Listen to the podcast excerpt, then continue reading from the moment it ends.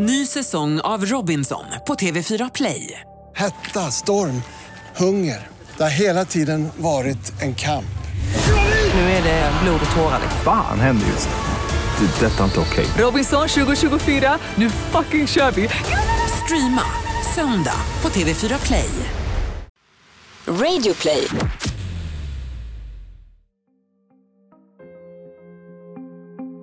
När världens ledare samlas för toppmöte i Göteborg mobiliserar alla.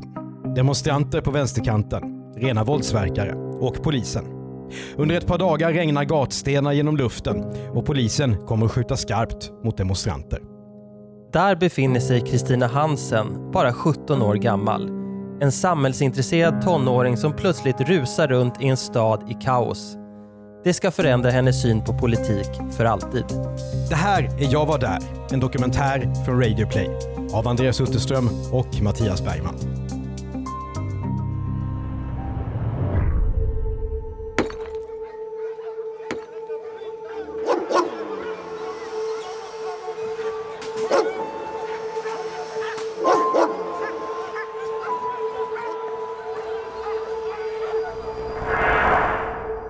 Inte så himla påläst och sådär. Men, men väldigt intresserad och ville veta, ville förstå liksom världen. Och när jag fick höra om det här EU-toppmötet och George Bush som skulle komma så, så ville jag verkligen dit. Det här är Kristina Hansen. Idag är hon 37 år gammal och forskare. Men i juni 2001 är hon 17 år gammal och sökande samhällsintresserad. Kristina har sommarlov från tvåan på gymnasiet. Hon bor i Ängelholm i Skåne, men den 13 juni sitter hon på ett tåg till Göteborg. På väg till sommarens stora händelse, EU-toppmötet. Jag hade en, en, en nära vän i Göteborg som också hade tänkt att, att, att vara där. Och då var det en person som jag kunde sova hos och vara tillsammans med, som kände till staden. Jag kunde inte Göteborg överhuvudtaget. Var världen lättare att överblicka år 2001 än vad den är idag? 2001 talas ännu inte om fake news eller filterbubblor. Nästan alla svenskar ser ungefär samma tv-program och de har inga sociala medier. World Trade Center-tornen i New York står kvar. Men även 2001 finns det starka politiska åsikter och unga människor som Kristina Hansen känner kanske starkast.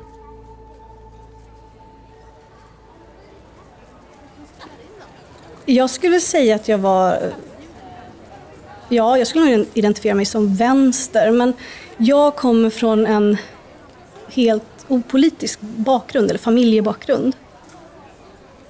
Ehm, föräldrar som är väl liberaler, snarare kanske åt liksom, konservativa höger.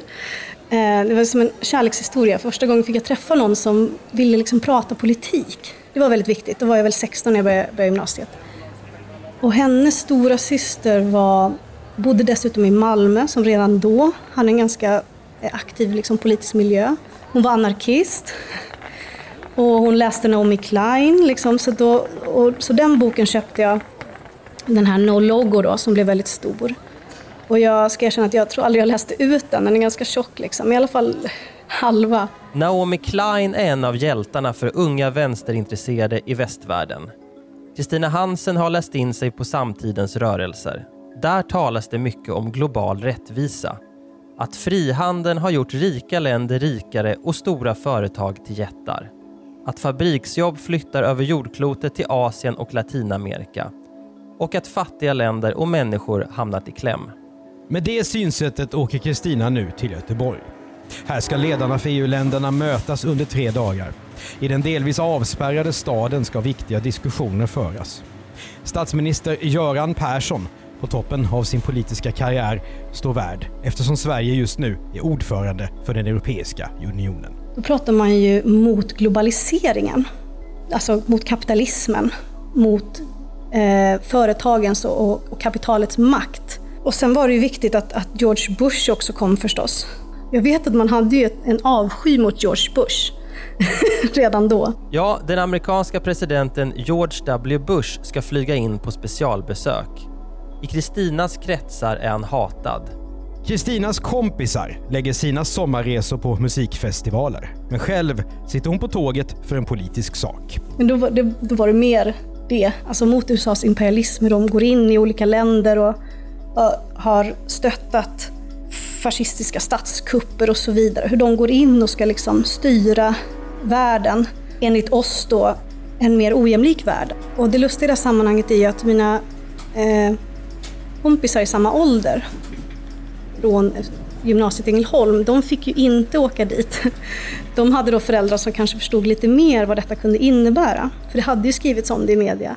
Jag känner mig också lite mm, stolt över mig själv för att jag minns att eh, det blev en, en skiljelinje mellan de som visade sig vara genuint intresserade av att åka till Göteborg och de som faktiskt mest bara vill festa. För det var Hultsfred samma dagar. Hultsfredsfestivalen. Så då var man lite så här, hmm, det, det gör inte jag minsann. Ja, men vara, vara en del av den här proteströrelsen, att liksom ge mitt stöd genom att vara där fysiskt.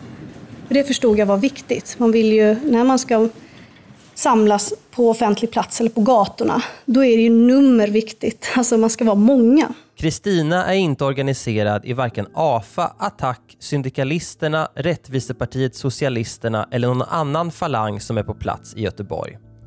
Men på sitt sätt är hon en del av en större våg av viljor som ska sammanstråla i landets näst största stad.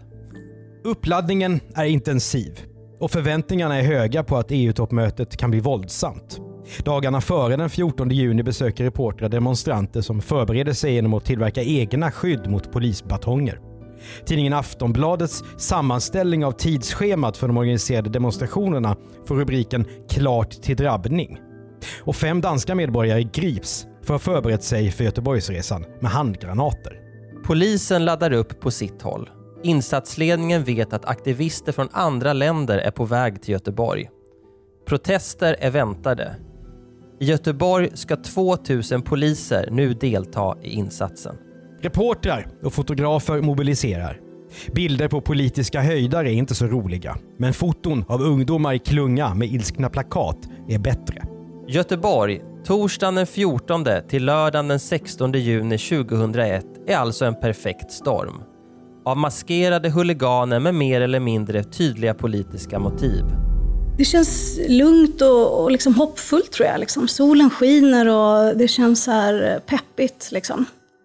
Det, här, det här är stort, tror jag. Så här vill jag minnas i alla fall. Ja, för en gångs skull är det riktigt trevligt väder när SJ-tåget rullar in i Göteborg. Kristina möter upp sin kompis och går på fest med zapatistiska förtecken, alltså med tema från den mexikanska vänsterrörelsen. Dagen efter är det dags för hennes första hållpunkt på toppmötet. Att delta i en mooning mot Bush.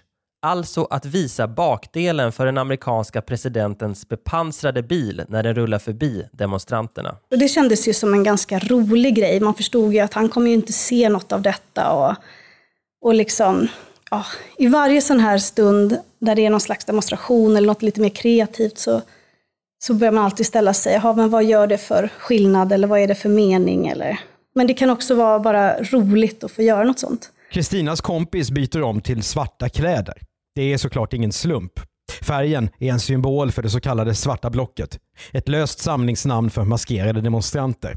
Kristina går till Drottningtorget för att se Bushs bil. Ovanpå busskurerna står demonstranter. Det var ju mycket skriverier om hur smart är han egentligen. Han verkar ju vara liksom lite dum och inte helt sådär Ja, och det var ganska roligt. Jag såg ju alla andra som bara drog ner byxorna och mona och jag var så här väl en, en liksom lite så här halv, ja, osäker 17-åring och tyckte det var lite pinsamt. Så jag minns jag bara så här visa pyttelite av rumpan och ville helst inte göra det alls. Jag var lite mesig. Men det var ändå den här mäktiga känslan av att vara en del av, av många människor som var där tillsammans för att, för att visa eh, ja, motstånd mot mot de globala orättvisorna som vi tyckte då förkroppsligas genom George Bush. Jag, jag, jag, minns bara att jag ångrar efteråt att jag var sån tönt och mesig. Man bara, men det är klart, bara visa rumpan, det är en rolig grej liksom. Kör på. Så gjorde jag inte det. Det är mest det jag kände så här, åh tråkigt. Så av det lärde jag mig så här att jag ska vara mer, mer spontan och mer bara så här, kom igen då. Utifrån det. det har börjat lugnt, nästan uppsluppet. Att flasha röv mot en president är ingen våldsam handling. Men stämningen ska vända mycket snabbt. Vi är denna vecka sponsrade av Biltema som har bokstavligen allting när vi har gått in och kollat. Och Det betyder att de också har någonting för alla. Det vill säga inte bara för mig som är singel, för Andreas som har tre barn och en sambo, utan även för Andreas svärmor Barbro. Precis, för mina svärföräldrar de är ju nu riskgrupp från corona så de ska ju exponeras för så lite människor som möjligt. Eh, och hur gör man då om man har Biltema som favoritaffär som min svärfar Lasse har? Jo, då använder man den här fantastiska tjänsten Köp och hämta Drive-In. Mm, det, det står om den här på biltema.se. Ja, och det gjorde de alldeles nyligen. De behövde eh, lacknafta och målartvätt för att kunna eh, pys pyssla lite på uteplatsen. Och då, Storhandel. Ja, men lyssna här. Det här var fantastiskt. Då la de den här beställningen. Sen åkte de till parkeringen där i Örebro. Och Sen kom det alltså två personer i personalen ut och lämnade kassen i bagageluckan och var supertrevliga. Allting var jätteeffektivt och till och med min annars ganska kritiska svärmor var eld och lågor över detta. Så, ja just det, för Barbro behövde eh, knappt titta på dem eller någonting. Hon behövde bara säga hej och tack och sen åka därifrån vilket är precis vad de behöver nu eftersom de ska hålla sig på sin kant tills det här de här märkliga tiderna har blåst över. Virus är alltså inget hinder för att handla på Biltemas varuhus. Man går in på biltema.se, väljer ut vad man ska ha, väljer sitt varuhus och sen så tar man bilen dit. Duger åt svärmor, duger åt dig. Tack Biltema! Andreas, om man gillar att lyssna på poddar som handlar om verklighetsbaserade berättelser, har du något tips då? Ja, till exempel dokumentära berättelser som är en del av Radioplay-familjen. Jag är ju väldigt nyfiken på eh, scientologikyrkan eh, med dess absurda ledare eh, Elron L. Ron Hubbard, eller grundare ska jag säga. Och Då kan man lyssna på två stycken avsnitt med svenska eh, Mariette som i 25 år var aktiv i scientologerna i USA och stod deras högste ledare väldigt, väldigt nära. Oerhört spännande historia. Dokumentära berättelser alltså som är ute i en ny säsong nu på Radio Play. Ny säsong av Robinson på TV4 Play. Hetta, storm, hunger. Det har hela tiden varit en kamp. Nu är det blod och tårar. Fan händer just det. Det är detta inte okej. Okay. Robinson 2024, nu fucking kör vi! Streama söndag på TV4 Play. Ett poddtips från Podplay. I podden Något Kaiko garanterar östgötarna Brutti och jag, Davva, dig en stor dos skratt. Där följer jag pladask för köttätandet igen. Man är lite som en jävla vampyr. Man har fått lite blodsmak och då måste man ha mer. Udda spaningar, fängslande anekdoter och en och annan arg rant. Jag måste ha mitt kaffe på morgonen för annars är jag ingen trevlig människa. Då är du ingen trevlig människa, punkt. Något kajko, hör du på podplay. Därför är gardinerna.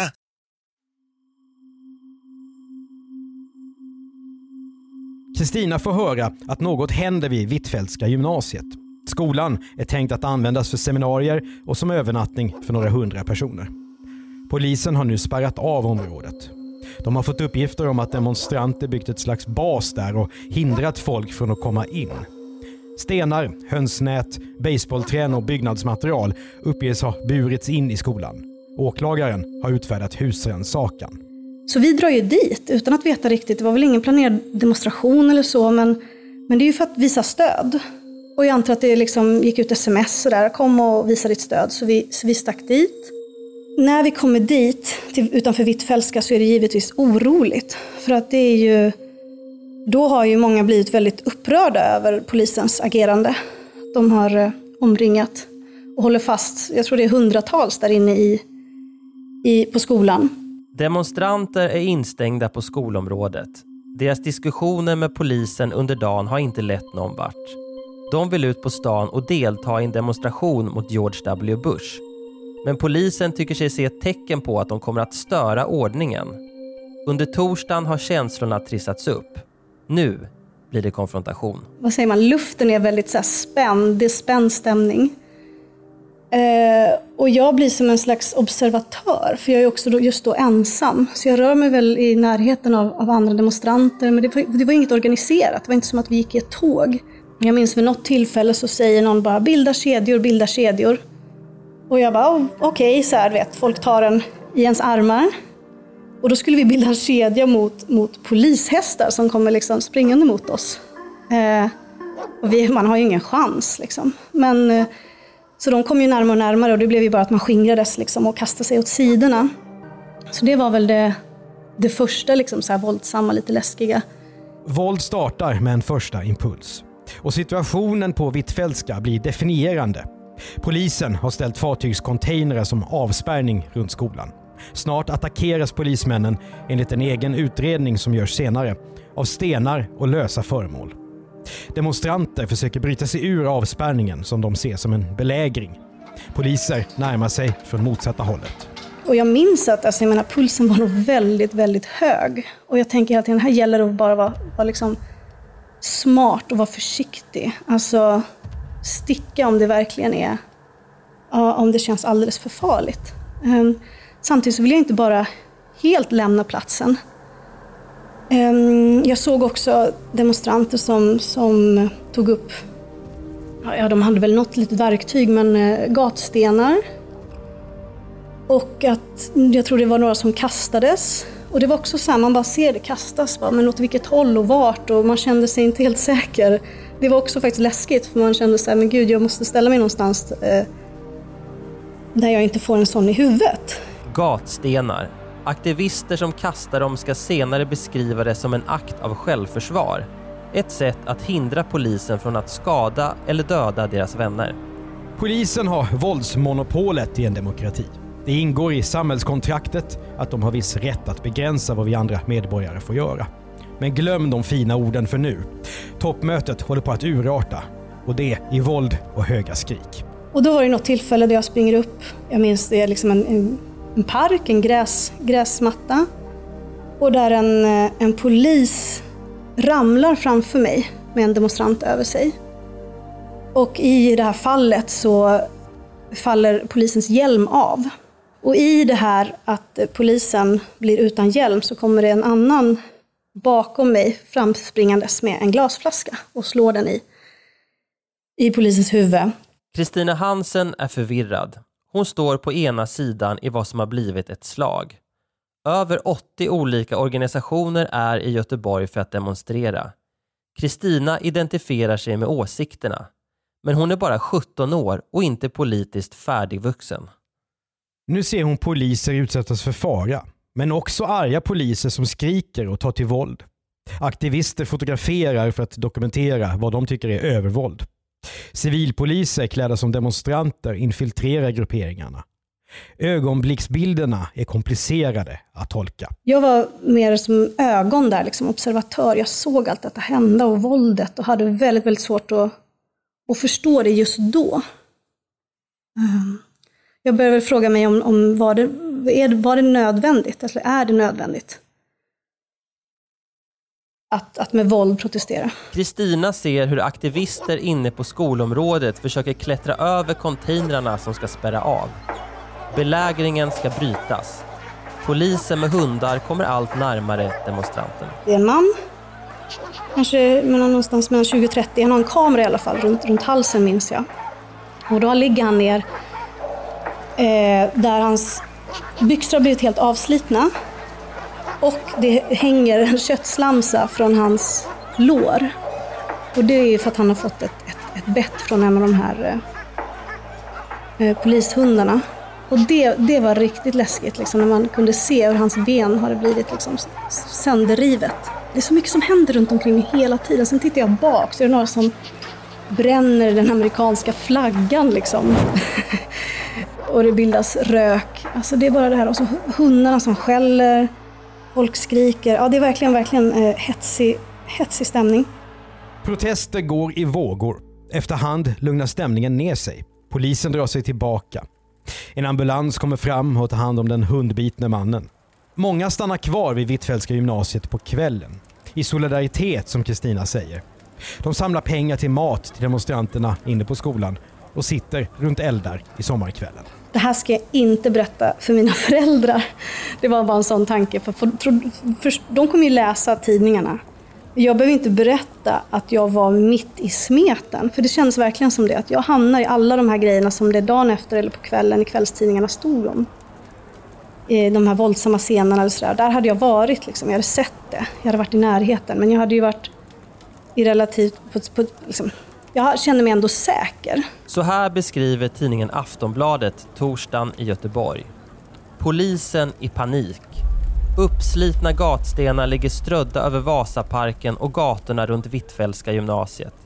Plastflaskor fyllda med småsten ligger kvar på trottoarerna. Grenar har slitits av träd och buskar och använts av aktivisterna mot polisen. Nerrivna gatskyltar, välta papperskorgar, skräp och glassplitter överallt. Det blir fredag. Den amerikanska presidenten har följt sitt schema och nu lämnat Göteborg. Men i konferenscentret Svenska Mässan fortsätter Europas ledare sitt toppmöte. Samtidigt vaknar Kristina Hansen. Från sommarlov och Ängelholm har hon i ett slag blivit en del av en global motståndsrörelse. Känslorna är starkare än eftertänksamheten. Hon blir arg på polisen. Varför omringar man Hvitfeldtska? Våldsamma personer blandas samman med fredliga som hon själv. På torsdagen har hon för första gången sett kravaller. Men hon vet inte att hon har något ännu mer våldsamt framför sig. Kristina startar fredagen på Götaplatsen där det hålls tal mot EU. Därefter tågar folksamlingen mot Svenska Mässan. Och eh, där går jag ganska långt, långt fram. Jag och min kompis hamnar liksom långt fram. Och då är det ju poliser och eh, polishästar som ställer sig upp i led och, försöker, och hindrar oss då. Försöker hindra oss till att, att komma ner där. Jag minns att det blir en del piskrapp uppifrån polisen på, på demonstranter runt omkring mig. Det är också väldigt hetsig stämning. Vid det här läget så är det också sådär att man, man packas som sillar liksom och man kan inte riktigt röra sig åt något håll. Så det är alltid lite läskigt när man hamnar sådär. Och eh, sen ser vi att det börjar bli oroligt bakom oss och det är ju där då eh, det svarta blocket har liksom ställt upp sig. Så jag tror att polisen går ju mot dem och vill skingra de här maskerade demonstranterna, eller det så kallade svarta blocket. Och, och försöker trycka undan dem, liksom få ner dem eh, mot Avenyn och det är ju där då som det uppstår totalt kaos. Och då har vi hamnat, vi som var liksom längst fram, har hamnat bakom poliserna. Kristina Hansen springer upp mot trapporna mot konstmuseet på Götaplatsen. Hon och hennes kompis kommer ifrån varandra. Och jag satte mig där och ser liksom bara det här regnet av, av, av eh, eh, gat, gatstenar. Liksom. Nästan som, det ser ut som liksom svarta fåglar i himlen. Jag sitter säkert, men jag springer inte därifrån utan återigen, jag vill se det här fastän jag minns att jag började gråta också när jag, när jag, när jag satt där. Eh, för det var bara en sån fruktansvärd syn, liksom, nästan lite grann som en, liksom en, en, en krigszon liksom, mitt i stan. Men jag minns i den stunden, jag menar jag är 17 också, jag var väl lite inne på det här med djurrätt och jag var åh men hästarna tänkte jag väl. De får stenar på sig. Och jag ser också poliser plocka upp stenar och kasta tillbaks. Och sen rör ju sig det här tumultet längre och längre ner på Avenyn. I efterhand kommer Göteborg att beskrivas som ett slagfält. Kristina är rädd och upprörd. Hon lyckas möta upp sin kompis och gå därifrån. Samtidigt gör polisen insatser för att få överblick över de våldsamma aktivisterna och kunna kontrollera dem. Vi korsade Victoriabron. Victoriabron är en av broarna över vallgraven. Den förbinder Victoriagatan med Magasinsgatan och inte mer än 50 meter lång. Och helt plötsligt kom det poliser från båda håll och omringade oss. Alltså, och, och vi var, tror jag, runt 100 pers. Sen har jag läst efteråt att det kanske var 200 pers. Men de, ombads, eh, de bad oss att sätta, sätta oss ner. Och detta var ju som sagt fortfarande ganska tidigt på morgonen. Solen sken. Jag tror vi fick sitta där i tre timmar, frihetsberövade. Polismakten i Göteborg är pressad, utmattad och frustrerad. Hela världens ögon bevakar deras arbete. Worst case-scenariot för toppmötet har infriats. In till konferenscentret och de politiska ledarna når nu uppgifter om härjningarna på stadens paradgator. Redan andra dagen inser man att Göteborg 2001 måste fogas till den globala listan över mötesstäder där kravaller har utbrutit. Kristina Hansen bränner sig i solen på Victoriabron. Både kontorsjobbare på lunch och pensionärer hör till de som hålls kvar. Vissa aktivister hoppar i vattnet för att ta sig ur greppet. Till slut kommer bussar. Polisen kroppsvisiterar alla, griper vissa av dem som hållits på bron och kör iväg dem. Polisen kroppsvisiterar mig, en manlig polis, och säger så här, du får inte vara här, eh, res hem, eller liksom, Eh, stick härifrån och du får inte komma tillbaks. Du får inte demonstrera mer. Det kändes inte som att eh, han kan få säga så bara. Eller? Och det gjorde jag inte heller. Jag lydde inte den, den orden att jag skulle åka hem. Känslorna var ju starka i allt det här. Liksom. Och att man ändå hade den här känslan att nu gör de fel. Nu gör polisen fel. Och för många av oss har det varit skönt, liksom, det var ju långt, kanske flera månader efteråt, men när man fick lite i alla fall bekräftat, där det står så här, ja, nej men här bröt de mot polislagen, till exempel. Eller att, särskilt på Victoriabron, eh, att frihetsberöva, eller ja, det, det har ju varit jättemycket kritik efteråt. Och det visste man ju inte då. Så jag var ju liksom förvirrad, men man hade den här känslan av att säga, nej, det här kan inte vara rätt. Får, får de göra så? Så här kommer det att stå i tidningen Göteborgs-Posten dagen efter. När polisen spärrade av Victoriabron och förhindrade ett hundratal människor som satt där att ge sig av syntes inte en rånarhuva och poliserna kunde inte längre skilja onda från goda. Ni har batonger, vi har ballonger, skanderade de instängda på bron innan de greps på måfå. Är vi på den 15 nu eller? Ja, det är vi. Och från en incident ska Kristina Hansen nu gå rakt in i nästa. Men det är fest på Vasaplatsen, det ska vara Reclaim the Streets, eh, så vi sticker dit. DJ och man dansar, och, så det är väldigt eh, eh, väldigt många starka upplevelser på en, på en kort tid, om man ska säga. Kontrasterna är enorma. Från polisgrepp till organiserat party. Från solig vardag i innerstan till att butiksfönster krossas och avspärrningar gör att medborgarna inte kan ta sig hem. Från politiska tal med underbyggda argument till stenkastning och huliganvåld. Och det svänger på bara några sekunder. Jag tror det var någon som, som skrek, som det brukar vara, den som först ser det, men ja, men polis närmar sig. Och bara okej, okay. då vet man inte med en gång vad, det, vad man ska göra, utan man blir så avvaktande. Så kommer det fler och fler poliser, ja just det, de ställer sig i en linje. Det minns liksom, vad ska man säga, det är som en liten backe, så de kommer nerifrån, går upp.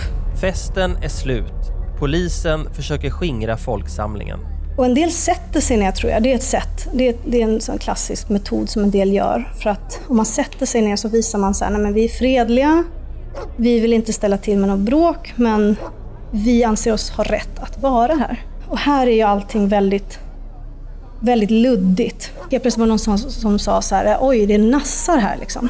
Ja, nassar. Någon pekar ut nazisterna för Kristina Hansen.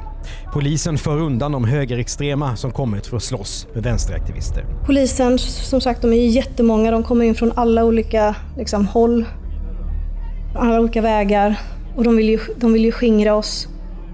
Och i det här i den här situationen så hör, jag, så hör man skott. Men jag tror inte att jag trodde att det var skott då. Det, det, det tror jag inte. Jag vet inte vad jag tänkte vad, vad det kunde vara, men, men kanske smällar eller, eller vad det nu är. Polisen försöker avbryta gatufesten. Underrättelseinformation som man har fått på förhand har varnat för hög risk att ordningen ska störas och skadegörelse inträffa. Både poliser och aktivister skadas. De här varningsskotten, precis som man liksom någonstans förstår att okej, okay, shit, ja men det här är allvar. Då, då springer väl de flesta, det är förmodligen då vi springer liksom bort därifrån, försöker verkligen så komma undan. Ryktet går. Någon har skjutit. Är det polisen eller någon annan? Ryktet går. Någon har skjutit. Är det polisen eller någon annan? 700 poliser deltar nu i insatsen. Det är tumult. Människor springer i rädsla åt alla håll bakom polislinjerna. Då ställer vi oss i en liten grupp människor och, fråga, och liksom börjar prata. Var det skott eller är det någon som har blivit skadad? Men det hände ju precis liksom där vi var. Det är klart att jag menar, i, i sådana situationer så kan man ju bara ha en otur. Alltså väldigt otur. Jag menar de här skotten hade kunnat träffa någon annan också. Jag minns det var ju någon journalist som var alldeles i närheten. Poliser och aktivister har drabbat samman på Vasagatan. Gatstenar har regnat över polisen som också tagit upp stenar och kastat tillbaka dem mot demonstranter. Polisen har också skjutit tre personer. Ett foto i tidningen Aftonbladet blir en tydlig sammanfattning av hur vi kommer att minnas kravallerna. På gatan ligger en demonstrant med ett skott i höger sida. Två kompisar försöker ta hand om honom. Rubriken är “Skotten i Göteborg”. Den skjutne killen som ligger på marken heter Hannes Westberg och är 19 år gammal. Han har kastat flera gatstenar mot poliser innan han har fått ett skott i sidan. Det här är toppmötets klimax. Inte sedan arbetskonflikten i Ådalen 1931 har polisen, eller i det fallet militären, skjutit mot demonstranter. Hannes Westberg blir den mest kända aktivisten när historien om Göteborgskravallerna senare ska skrivas. Kristina är helt utmattad. På två dygn har hon fått intryck för livet. Fredagnatten tillbringar hon på stan och vaktar musikinstrument på seminarieområdet. Det ger lite extra semesterpengar. Lördagen är toppmötets sista dag. Den största demonstrationen ska äga rum. Eh, men jag minns också att jag var glad för efter all, all de här liksom, våldsamheterna eh, så var det ju en, en, en lugn och fredlig demonstration. Där även Svarta blocket var med och vi gick i närheten. Jag var ju nyfikna på de här. Och vi gick tror jag med syndikalisterna, det var väldigt där i närheten. Och eh, ja, jag, jag vet inte, jag visste inte om jag skulle vara, vara vad jag skulle tycka, men, men vi gick ändå vi gick i närheten. Tågresan hem till Ängelholm blir absurd. Kristina Hansen är kvar i sin bubbla, men runt omkring henne lever människor precis som vanligt. Mitt emot henne på tåget sitter en kvinna med sitt barn. Så går jag ut igen och hamnar där i en kupé. Och det var en eh, mamma som sitter med, sin, med sitt lilla barn och hon ritar. Och jag ser ju tidningarna, för tidningarna ligger framme. Men hon av någon anledning eh, tar upp det här med Göteborg, eller hon pekar på tidningen och bara "Åh, herregud, det är fruktansvärt alltså. Och jag, jag kanske till och med sa så här, ja, jo, typ. Och sen tittade jag ut genom fönstret. Jag var ju också helt slut, inte bara av alla intryck, men, men hade inte sovit Eh, och, och allt det här. Det var så mycket att ta in, det var otroligt mycket att ta in. Jag, det var blandning mellan, mellan chocktillstånd till förvirring, till känslan av styrka, känslan av att fy fan vad häftigt ändå. Kristina kommer hem och återser sina föräldrar. Eftersom de har låtit henne åka till toppmötet och givit henne så mycket förtroende, kanske lite naivt, så berättar hon inte allt hon har varit med om. Hon tumlar ut i sommarlovet med lite jobb, Roskildefestivalen och tid att tänka efter. Det, var, det känns som att det var svårt att göra det med någon överhuvudtaget. För ingen hade någon förståelse nästan då efteråt, att man hade åkt dit överhuvudtaget. Det var ju det som, jag, som var så, så ledsamt då, när man hade åkt dit för en god sak. För, för rättvisa, jämlikhet och liksom att få globala rättvisefrågor på, på agendan. Och sen eh, har man då liksom reducerats till helt opolitiska varelser som bara varit där och, och ställt till med bråk. För jag kände inte att liksom jag hade gjort något fel och, och, och inte, inte nödvändigtvis de som hade varit våldsamma heller. Eh, eftersom jag har sett så extremt våldsamma poliser också. Över 500 personer grips i samband med EU-toppmötet. 79 personer åtalas och 70 av dem fälls. 53 poliser och 90 demonstranter skadas. Den skjutne Hannes Westberg döms för våldsamt upplopp i tingsrätten. Det finns ingen vinnare efter Göteborg.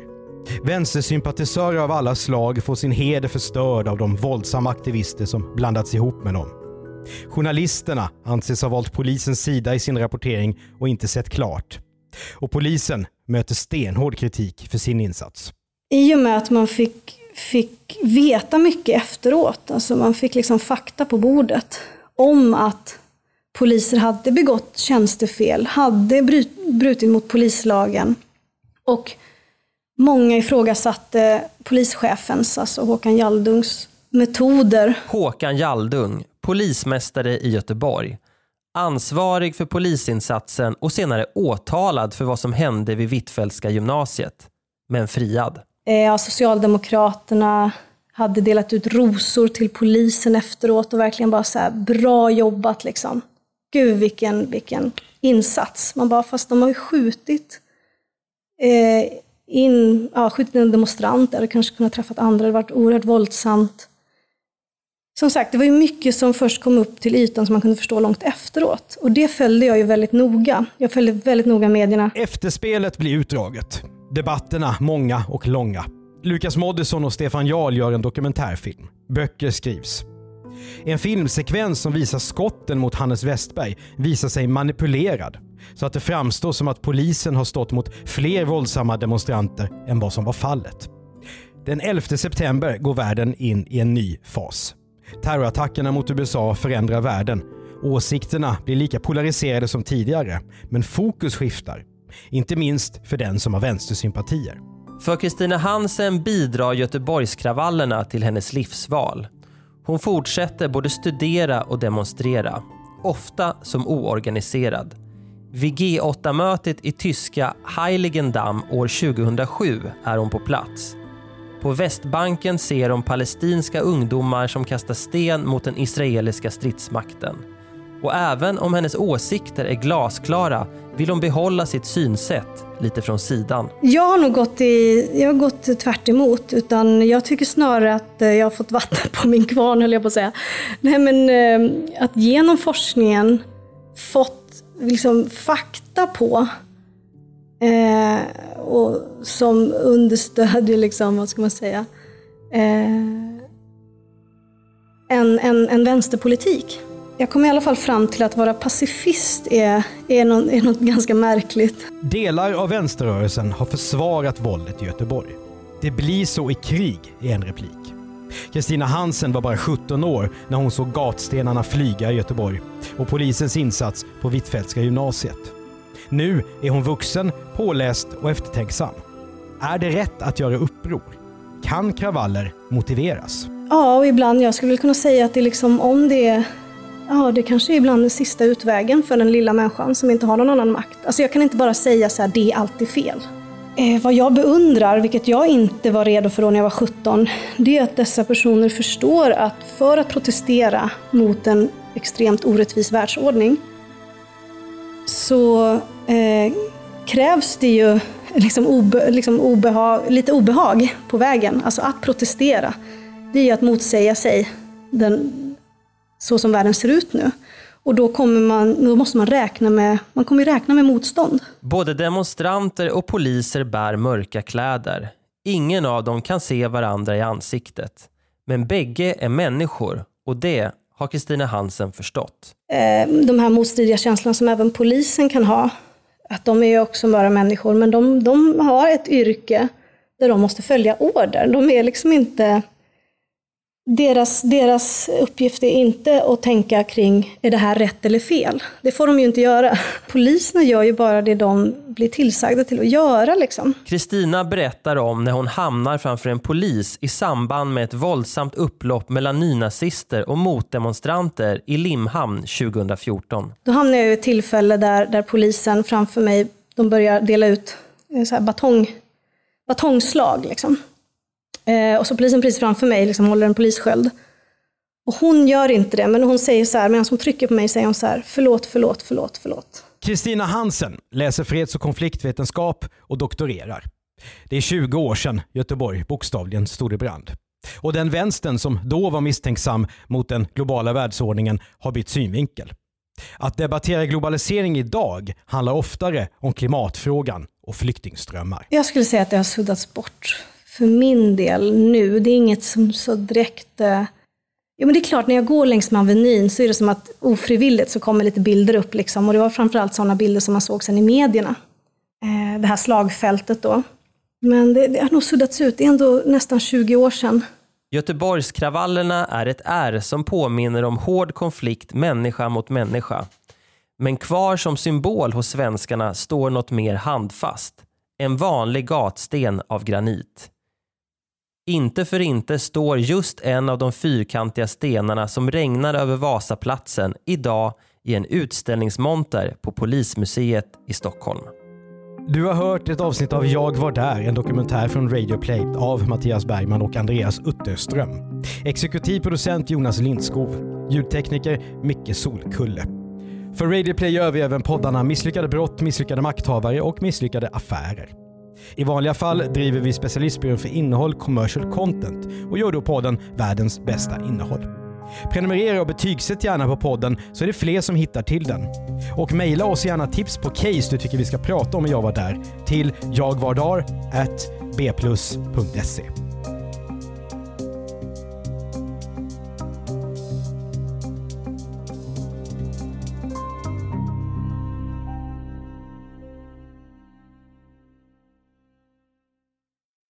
Ny säsong av Robinson på TV4 Play. Hetta, storm, hunger. Det har hela tiden varit en kamp. Nu är det blod och tårar. Fan händer just nu. Det. är Detta är inte okej. Robinson 2024, nu fucking kör vi! Streama söndag på TV4 Play.